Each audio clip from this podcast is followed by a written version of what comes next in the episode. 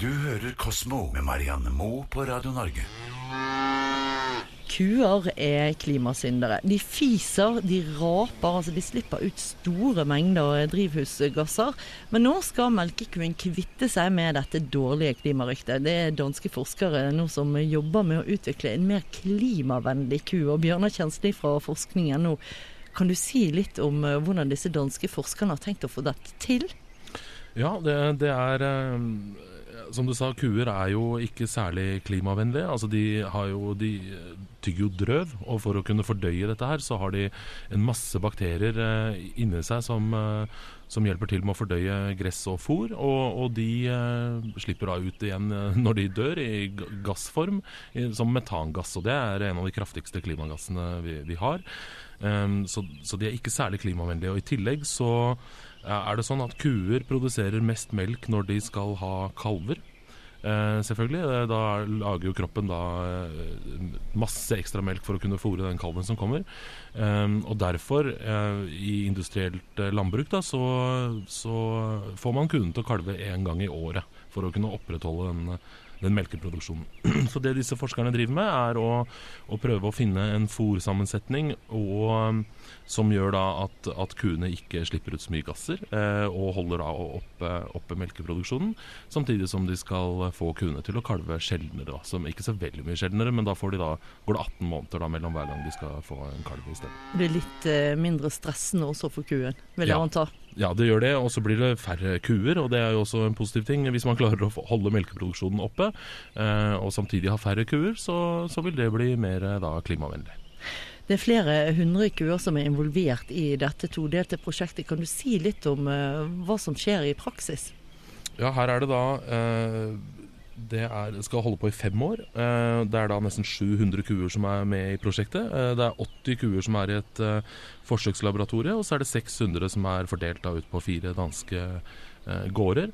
Da skal de da dele de opp i, i grupper. Eh, noen grupper skal da fortsette som før når det kommer til kalving og få, eh, få samme fôr, mens andre skal, skal bytte på fôret. Eh, og det er da forskjellige grupper som skal gjøre forskjellige ting, og så skal man, eh, skal man forsøke å finne den optimale eh, sammensetningen av dette her. Da. Så målet er rett og slett å få færre unge kuer, eh, og få kuene til å bli eh, mer effektive, for man taper jo mye tid eh, hvor kuene ikke produserer melk også, når de er veldig unge og sånn, så færre unge kuer, eh, og da mindre utslipp per ku. Så selv om eh, det kan høres litt dramatisk ut å skape en eh, klimavennlig ku, så, så handler det egentlig bare om endringer som vil gjøre livet til disse dyrene litt bedre enn det det er i dag, kanskje. Ja, det handler ikke om å sette, en, sette katalysatorer på, på kuer, liksom. Men, eh, så det handler vel egentlig mer om, om hvordan vi organiserer landbruket. Og det er eh, eh, tydeligvis eh, finnes mange bedre måter å gjøre det på enn det vi gjør i dag. Ja, for Bare kalvingen som eh, du nevner her, det er jo en stor eh, påkjenning for en ku. 80% av sykdomsproblemene oppstår i forbindelse med kalving, har jeg hørt. Ja, det er klart det. det, det vil jo da også minske. Vil kuene få et lengre liv av dette?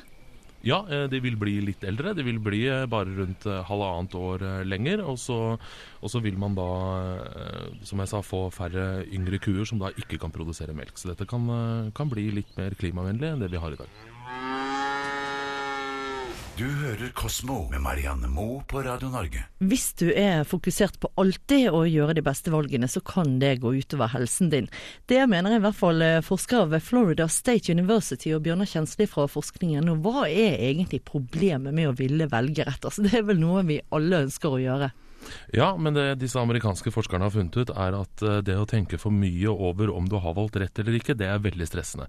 Og eh, de mener at det kan være såpass stressende at det kan eh, få negative følger for helsen, faktisk. Så, så det disse forskerne gjør, er å, å, å dele oss mennesker opp i to ulike grupper, hvor da de ene er blir veldig stresset over å måtte gjøre valg, f.eks. å kjøpe noe, dra på ferie eller noe sånt, og, og alle de valgene det innebærer. Eh, det er den ene gruppen som blir veldig stresset, mens den andre gruppen den eh, blir ikke så stressa. Når det kommer til eh, nettopp dette å gjøre valg, så plasserer psykologen oss gjerne på en skala med to ytterpunkter, maximizers og satisfizer. Kan du si litt om denne skalaen og hvordan den fungerer?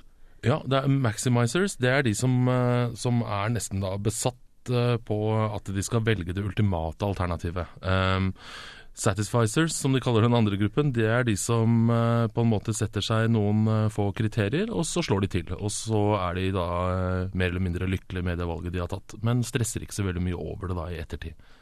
Så maximiserne de legger også så mye energi i de valgene de tar at de stresser seg syke hvis det de har bestemt seg eh, for å ikke leve opp til forventningene, eller Ja, både det og at de eh, stresser så mye over at de har gjort riktig valg etter de har gjort valget, at de blir faktisk ikke lykkelige selv om, selv om det produktet de har kjøpt eller den ferien de har bestilt, da er eh, veldig bra. Så det tviler tvil, da, Ja. egentlig, som plager de. Rett og slett. Og, og det disse forskerne mener, at de som er sånne høynivå-maximisere, de, de påfører seg en masse unødvendig smerte, bruker veldig mye unødvendig energi på å, å stresse og tvile over, eh, over det de har gjort, og om det er eh, optimalt eller ikke. Betyr det at selv om eh, maximiserne egentlig bruker mye mer tid på å prøve å gjøre de beste valgene, så har de egentlig dårligere selvtillit enn de på andre siden av skalaen, altså siden de, de tviler så mye? Ja, det kan tyde på det, eh, og, og de, de får i hvert fall det, fordi de begynner å tvile så veldig over, over det, de, det de har gjort, at de blir uh, usikre over sine egne valg og, og har det rett og slett ikke noe bra. Så hvis man da har, uh, har stresset i flere uker med å bestille en ferie, og man kommer dit og man stresser enda mer og tenker over uh, kanskje vi ikke skulle dratt hit allikevel, kanskje det hadde vært bedre om vi hadde dratt et annet sted, så får man jo ikke så veldig hyggelig på ferie heller, enn i motsetning da til noen som ser en billig tur til et sted det er ok, og drar dit og har det fint og stresser ikke noe mer over det. Du hører Kosmo med Marianne Moe på Radio Norge. Etterlatte i dyp sorg har høyere risiko for å bli rammet av hjerteinfarkt like etter at de har mistet en nær og kjær. Dette antyder nye resultater som har blitt eh, publisert i tidsskriftet Circulation av Bjørnar Kjensli, redaksjonssjef i forskning.no. Hvor mye høyere er egentlig risikoen for et hjerteinfarkt i sånne situasjoner? Er veldig mye høyere. Eh, Denne undersøkelsen, da har de tatt for seg 2000 eh, overlevende etter hjerteinfarkt. og Den viser at eh, risikoen faktisk er 21 ganger høyere enn normalt samme dag som man da mister noen som er viktig i livet sitt. Vet man noe om årsaken til det? Altså, hva er det som gjør at man blir så mye mer utsatt for eh, hjerteinfarkt akkurat i denne sorgprosessen? Det er psykologisk stress, eh, og det gir både høyere puls og høyere blodtrykk, eh, og også forandringer i, i blodårer. Og da kan man rett og slett få hjerteinfarkt av det stresset som, som følger med. Er det sånn at personer som tidligere har hatt en forhøyet risiko for infarkt, vil være ekstra utsatt da, i, i en situasjon hvor, hvor man mister en som står en nær? Eh, Ja, det har de. Eh, De som tidligere har hatt forhøyet eh, risiko for infarkt da, av, av andre grunner, altså som f.eks. det at de har hatt, hatt hjerteinfarkt tidligere, eller at de er overvektige eller sånne ting, de har da enda høyere risiko. Men hvor lenge etter at man har mistet en nerv, vil man være mer utsatt for infarkt? Altså en sorgprosess og, og dette psykiske stresset som du nevner, det, det er jo veldig individuelt fra person til person. Ja, det er klart det, men eh, den første dagen da, som jeg sa, så er det 21 ganger eh, høyere.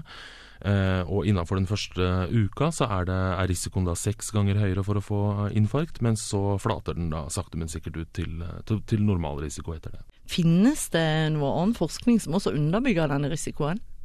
Det gjør det. Ehm, Det er eh, ganske mye forskning på det, og det er også en eh, kan jeg snakke for meg selv, en sånn oppfatning man har. altså det er, det er, Man har hørt om flere tilfeller der eh, noen gamle mister ektefellen, og så dør de veldig fort innenfor en tidsperiode. Og, det er flere studier her som viser at, at foreldre som mister et barn før barnet er ett år gammelt, de har faktisk dobbelt så høy dødsrisiko i hele 15 året etterpå, sammenligna med, med foreldre da, som ikke har mista barn tidlig. Så dette er, er et fenomen, og det, det kommer av det psykologiske stresset det er å miste noen man er glad i. Kosmo, natur og vitenskap på Radio Norge. Søndag kveld fra klokken åtte. Radio Norge.